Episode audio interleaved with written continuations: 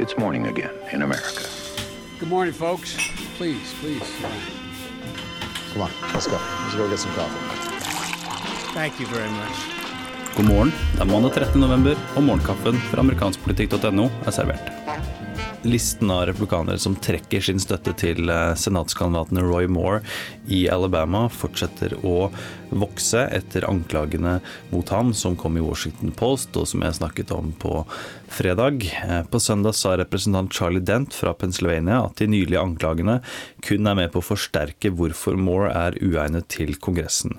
I tillegg så har da flere republikanske senatorer sagt at Moore bør trekke seg, og at de selv trekker sin støtte. Det er da Bill Cassidy fra Louisiana, Mike Lee fra Utah, Steve Daines fra Montana og Pat Toomey fra Pennsylvania. Republikanske senatorer som altså da trekker sin støtte til den republikanske senatskandidaten i Alabama. En liten titt på målingene i Alabama viser at det er eh, noe som er i ferd med å skje. I starten av uken kom en måling fra Raycom som ga republikaneren Moore en 51-40-ledelse over demokraten Doug Jones.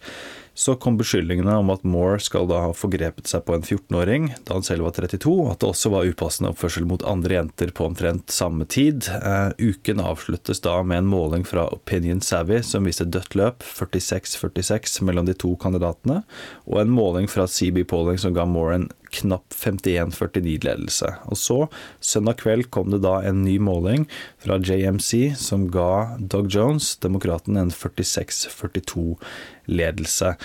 Så pila peker jo definitivt oppover for demokraten, men så må det samtidig trekkes fram at det her er Alabama. Det skal mye til for at Moore faktisk taper det her. Og så er det mange eh, i Alabama som heller ikke tror på Washington Post og det de har skrevet. Dette fordi det er Washington Post. Og Breitbart News har jo nå også igangsatt en, eh, en hel kampanje i denne saken her, og har jo sendt to journalister ned til Alabama for å grave og diskreditere denne saken fra Washington Post. Så der kommer det til å komme mange stygge ting framover, og det sier jo ganske mye.